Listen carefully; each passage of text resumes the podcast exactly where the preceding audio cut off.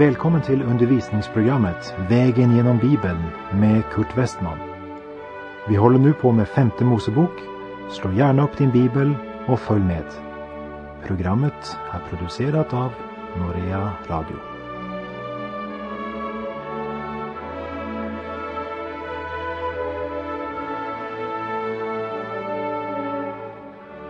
Vi har nu kommit till kapitel 18 i femte Mosebok där huvudtanken är Israels direkta, nära förhållande till Herren.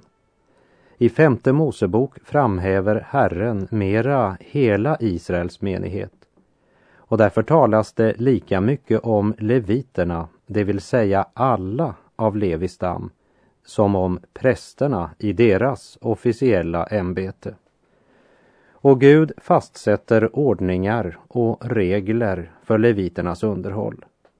Och när vi studerar Israels historia ser vi ganska snart att när folkets andliga tillstånd var gott så skötte man verkligen också Guds altare och bar fram det som var föreskrivet och därmed hade de levitiska prästerna nog att leva av. När Herren fick det han skulle ha så kunde också hans tjänare vara säkra på att de fick det de behövde. Och när Herrens altare blev försummat blev också omsorgen för leviterna försummat. Det hör ihop. Vi läser i femte Mosebok kapitel 18, verserna 1 och 2. De levitiska prästerna, hela Levis stam, skall inte ha någon lott eller arvedel med det övriga Israel. Av Herrens eldsoffer och hans arvedel ska de ha sitt underhåll. De ska inte ha någon arvedel bland sina bröder. Herren är deras arvedel, så som han har sagt dem. Prästerna kom från Levi stam.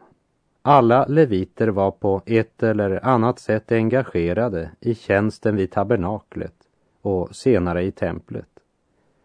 De hade inte någon arvedel, det vill säga någon jordegendom eller lott med det övriga Israel. Men Herren var deras arvedel. Och han sörjde för deras underhåll på detta märkliga sätt. Och det är intressant att lägga märke till att Gud säger ingenting om hur en kung skulle få sitt underhåll. Men han ger klar befallning om hur prästen skulle få det.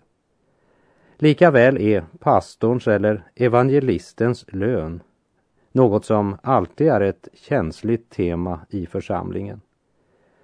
Gud bara konstaterade och sa, och detta ska vara vad prästerna har rätt att få av folket. Och vi läser verserna 3 till och med 5. Och detta ska vara vad prästerna har rätt att få av folket, av dem som offrar ett slaktoffer, vare sig av fäkreaturen eller av småboskapen. Man ska ge prästen bogen, käkstyckena och vommen. Förstlingen av din säd, ditt vin och din olja och förstlingen av din fårs ull ska du ge honom. Ty honom har Herren din Gud utvalt bland alla dina stammar för att han och hans söner alltid ska stå och göra tjänst i Herrens namn. Här möter vi en viktig gudomlig princip. Och än idag är detta metoden Gud använder för att föra sitt arbete vidare i vår värld. Han förväntar att hans folk ska stödja dem som på heltid arbetar med att ge Guds ord vidare till hela världen.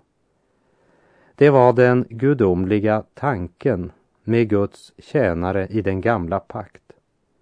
De skulle leva av det frivilliga offer som hela församlingen bar fram till Gud. Men det fungerade inte alltid så. Det var också tider med andligt förfall som vi till exempel kan läsa i Första Samuels bok kapitel 2, verserna 13 till 17. På följande sätt brukade nämligen prästerna gå till väga med folket. Så ofta någon offrade ett slaktoffer kom prästens tjänare medan köttet koktes och hade en treuddig gaffel i sin hand. Den stack han ned i kitteln eller pannan eller krukan eller grytan och allt vad han så fick upp med gaffeln, det tog prästen. Så gjorde det mot alla israeliter som kom dit till Silo. Ja, till och med innan man hade förbränt det feta kom prästens tjänare och sade till den som offrade, ge hit kött så att jag kan steka det åt prästen, ty han vill inte ha kokt kött av dig utan rått. Om då mannen svarade honom, först ska man nu förbränna det feta, ta sedan vad du har lust till, så sade han, nej, nu genast ska du lämna det, annars tar jag det med våld. Och de unga männens synd var så mycket större inför Herren som folket därigenom lärde sig att förakta Herrens offer. Ja, avfallet börjar inte i världen, men i församlingen. Och det vi nu läste från Första Samuelsboks andra kapitel var en mycket tragisk tid i Israels historia. Folket bar fram sina offer, men Herrens präster bröt den heliga offerordningen genom att ta för sig av allt de hade lust till.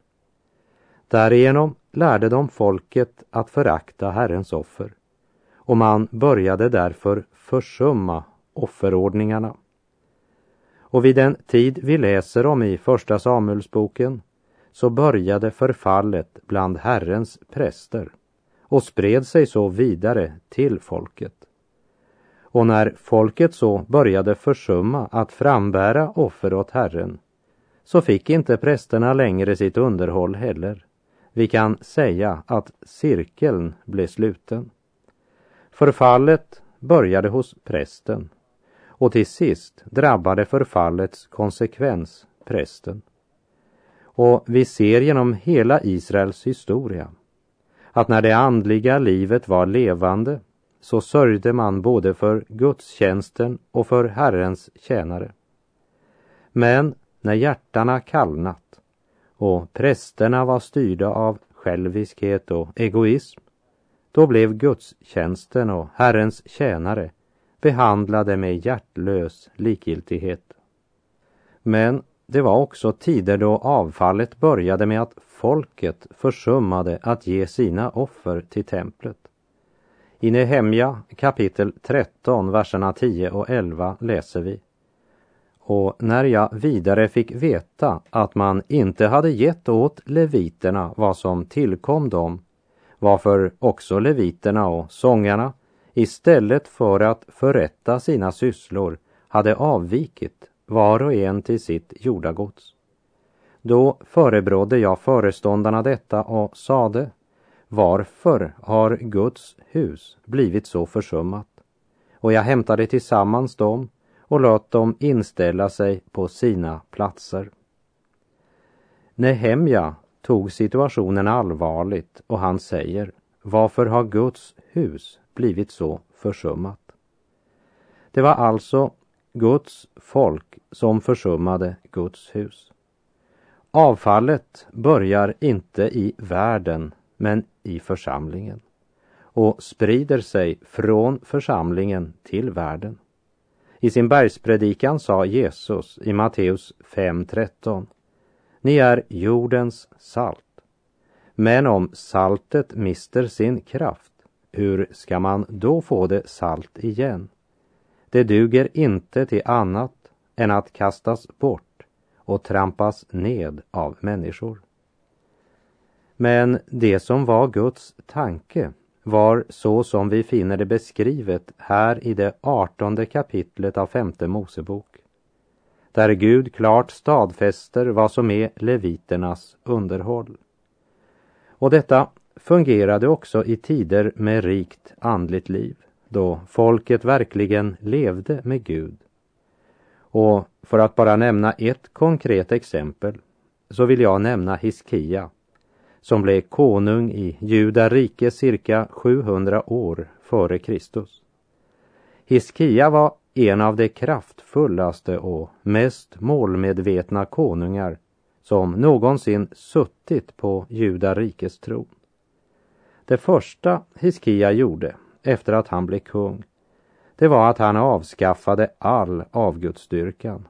Han levde och regerade vägledd av en stark tro och tillit till Herren.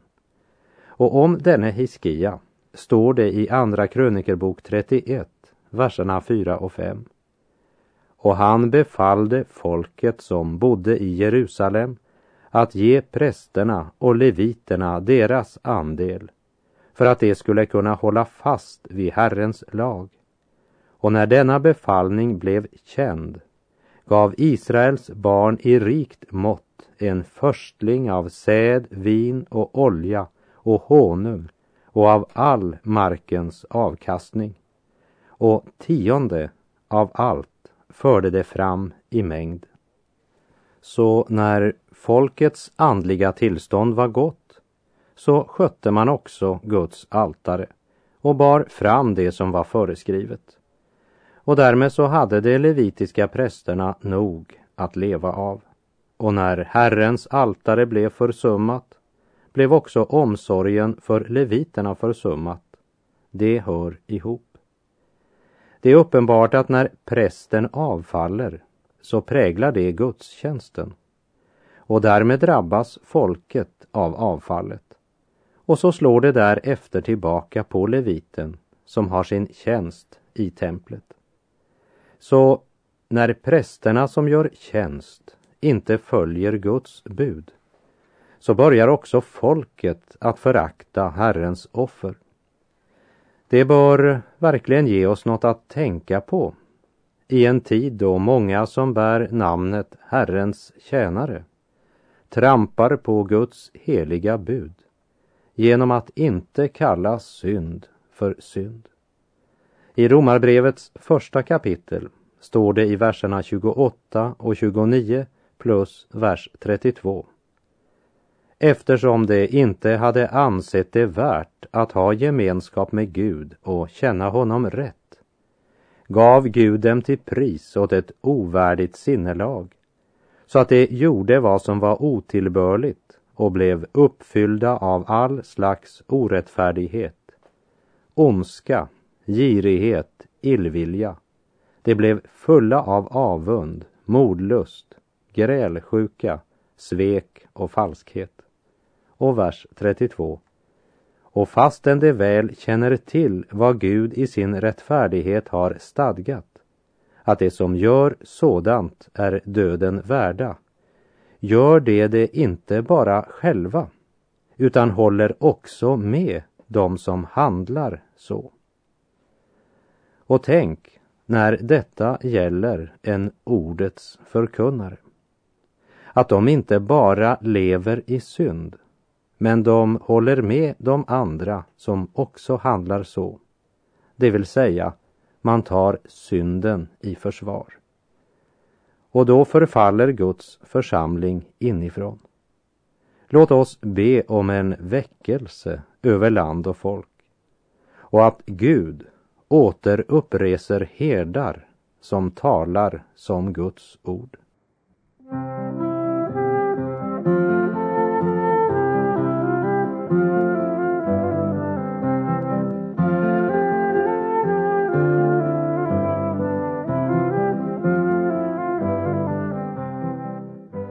Vi läser i femte Mosebok 18, verserna 9 till och med 12.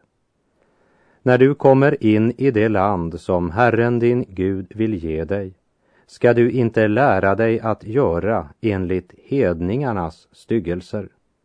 Hos dig må det inte finnas någon som låter sin son eller dotter gå genom eld eller som befattar sig med trolldom eller teckentydning eller svart konst eller häxeri. Ingen som sysslar med besvärjelsekonster. Ingen som frågar andar eller som är en spåman eller som söker råd hos de döda. Ty en styggelse för Herren är var och en som gör sådant. Och för sådana styggelsers skull fördriver Herren din Gud dem för dig. Gud varnar sitt folk för spiritism och hednisk vidskepelse. Och i det nya testamentet repeteras denna varning mycket klart genom aposteln Paulus i Första Timoteusbrevets fjärde kapitel. Men anden säger uttryckligen att i de yttersta tiderna kommer somliga att avfalla från tron och hålla sig till villoandar och läror som kommer från demonerna. Och här vill jag säga min egen mening och du får ta den för vad den är. Men jag är personligen överbevisad om att vi nu är inne i den tiden.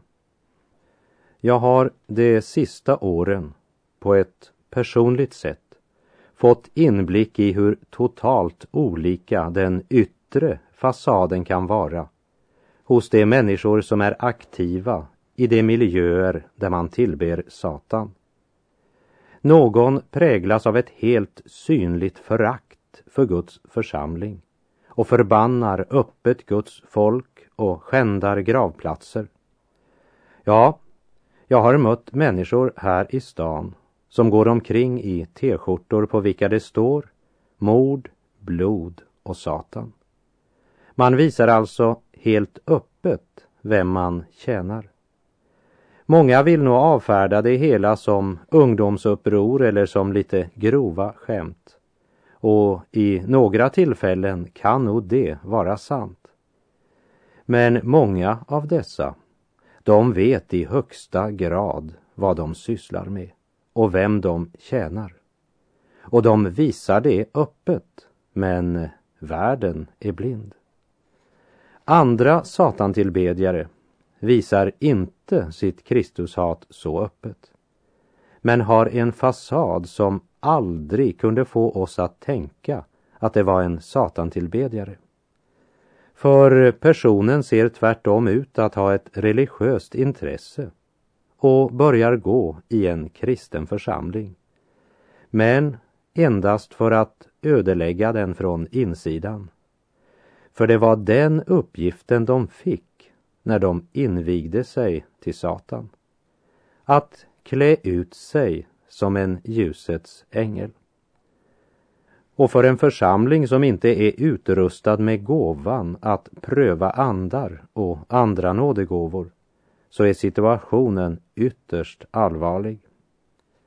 Och jag har personligen sett vilken oerhörd kamp det kan vara för någon att komma ut ur en sådan miljö. Och jag ser därför hur verklig satantillbedjan är i Skandinavien idag. Det är inte bara en samling dumma människor eller några obildade som söker sig till dessa saker. Men eftersom Satan är en verklighet så vet jag att tillbedjan av Satan också är en verklighet. Och idag handlar det inte bara om ett avfall till olika avgudar i form av intressen som förtränger Guds plats i våra liv.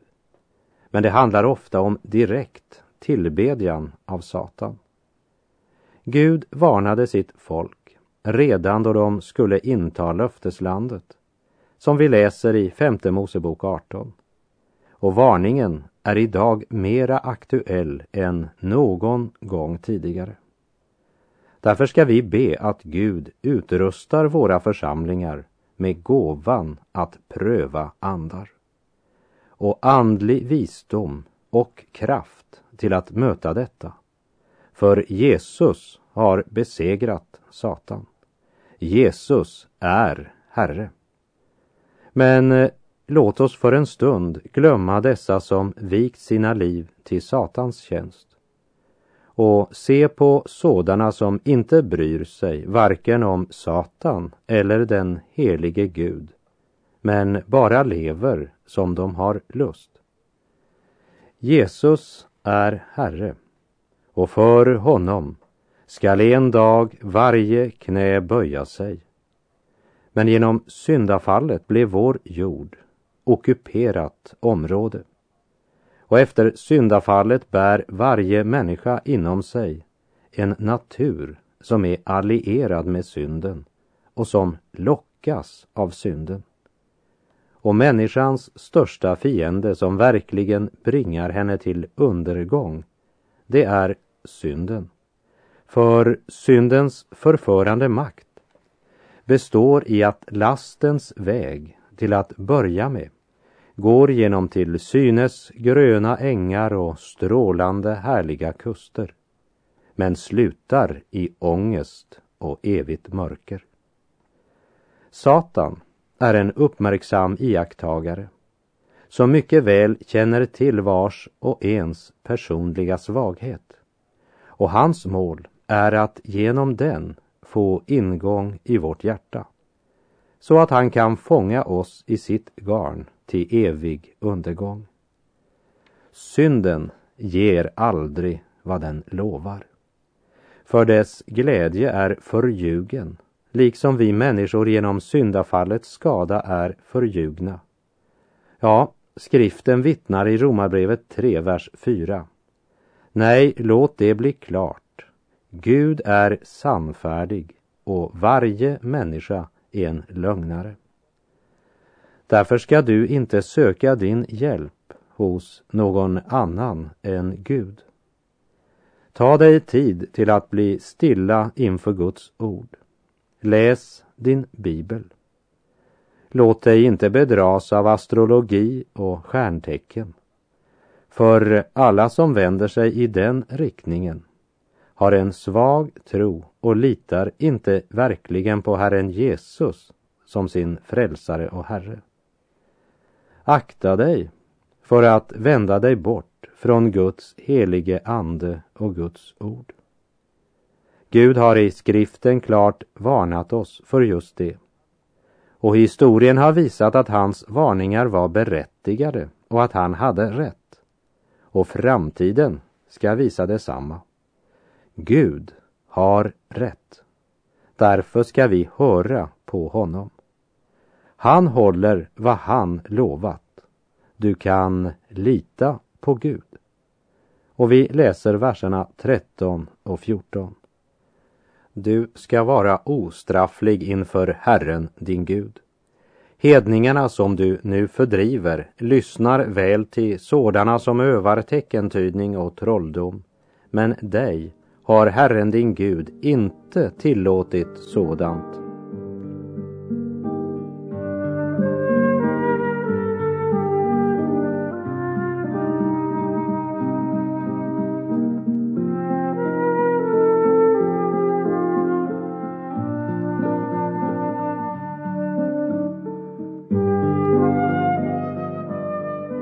Vi läser i femte Mosebok kapitel 18, verserna 15 till och med 17. En profet bland ditt folk, en av dina bröder, en som är mig lik, skall Herren din Gud låta framträda åt dig. Honom ska ni lyssna till. Det ska bli alldeles som du begärde av Herren din Gud vid Horeb den dag då ni var församlade där och du sade Låt mig inte vidare höra Herrens, min Guds röst och låt mig slippa att längre se denna stora eld för att jag inte må dö. Och Herren sade till mig, det har rätt i vad det har talat. Israels barn skulle lyssna till vad Guds profeter förkunnade. Varför? Ja, därför att de förkunnade sanningen. Och den andra orsaken var att genom att lyssna till Herrens profeter skulle de förberedas att lyssna till det slutliga budskapet, den slutliga profeten, Herren Jesus Kristus. Det finns fortfarande människor som säger varför uppenbarar sig inte Gud idag som han gjorde för Mose? I början av Hebreerbrevets kapitel 1 säger Herren Många gånger och på många sätt talade Gud i forna tider till våra fäder genom profeterna. Men nu, vid denna tidens slut, har han talat till oss genom sin son. Vi kan säga att Jesus är Guds sista ord till mänskligheten. Jesus är Guds egen uppenbarelse av sig själv. I Jesus har Gud personligen kommit till oss och den som förnekar det, han gör Gud till en lögnare. Någon kanske säger, vad ska jag med Jesus? Jag tror då på Gud och det är nog. Till det kan jag bara säga struntprat. Om du verkligen trodde på Gud, då hade ingenting varit viktigare för dig än Jesus. För Gud säger i sitt ord i Johannes första brev kapitel 5 och vers 10. Den som tror på Guds son har tagit emot vittnesbördet i sitt inre. Den som inte tror på Gud gör honom till lögnare eftersom han inte tror på det vittnesbörd Gud har gett om sin son. Det vill säga, för den som tror på Gud är Jesus, Guds son, huvudsaken. Men många som säger att de tror på Gud tänker i verkligheten på den avgud som de själva gjort sig utifrån sina egna tankar. Någon tror på sin kära Gud fader som inte sviker en ärlig man som gör så gott han kan. Men det är ju inte Gud. Vare sig det är en kära Gud fader eller en Buddha eller alla så är det bara projektioner av våra egna önskningar. Bibeln säger klart att utan Jesus vet vi inte nog om Gud. Jesus är den enda plats där vi kan få visshet om Gud. Jag har en fråga, kära vän. Har du aldrig fruktat för Gud? Då har du överhuvudtaget inte börjat att se hela den verklighet som den helige Gud och ditt syndiga liv utgör. För om du började ana något av denna verklighet så blev din stora och enda fråga, hur ska jag kunna bestå inför Gud? Wilhelm Busch sa, jag tror att det är vår tids största dumhet att man inte längre fruktar för Guds vrede. Ja, det är ett tecken på fruktansvärd förhärdelse när ett folk inte längre tar den levande Gud och hans vrede på allvar. Här i femte Mosebok 18 pekar Gud genom Mose fram emot Messias, som det står i vers 15. En profet bland ditt folk, en av dina bröder, en som är mig lik, ska Herren din Gud låta framträda åt dig honom ska ni lyssna till. Och med det så är tiden ute för den här gången. På återhörande om du vill. Herren vare med dig. Må hans välsignelse vila över dig. Gud är god.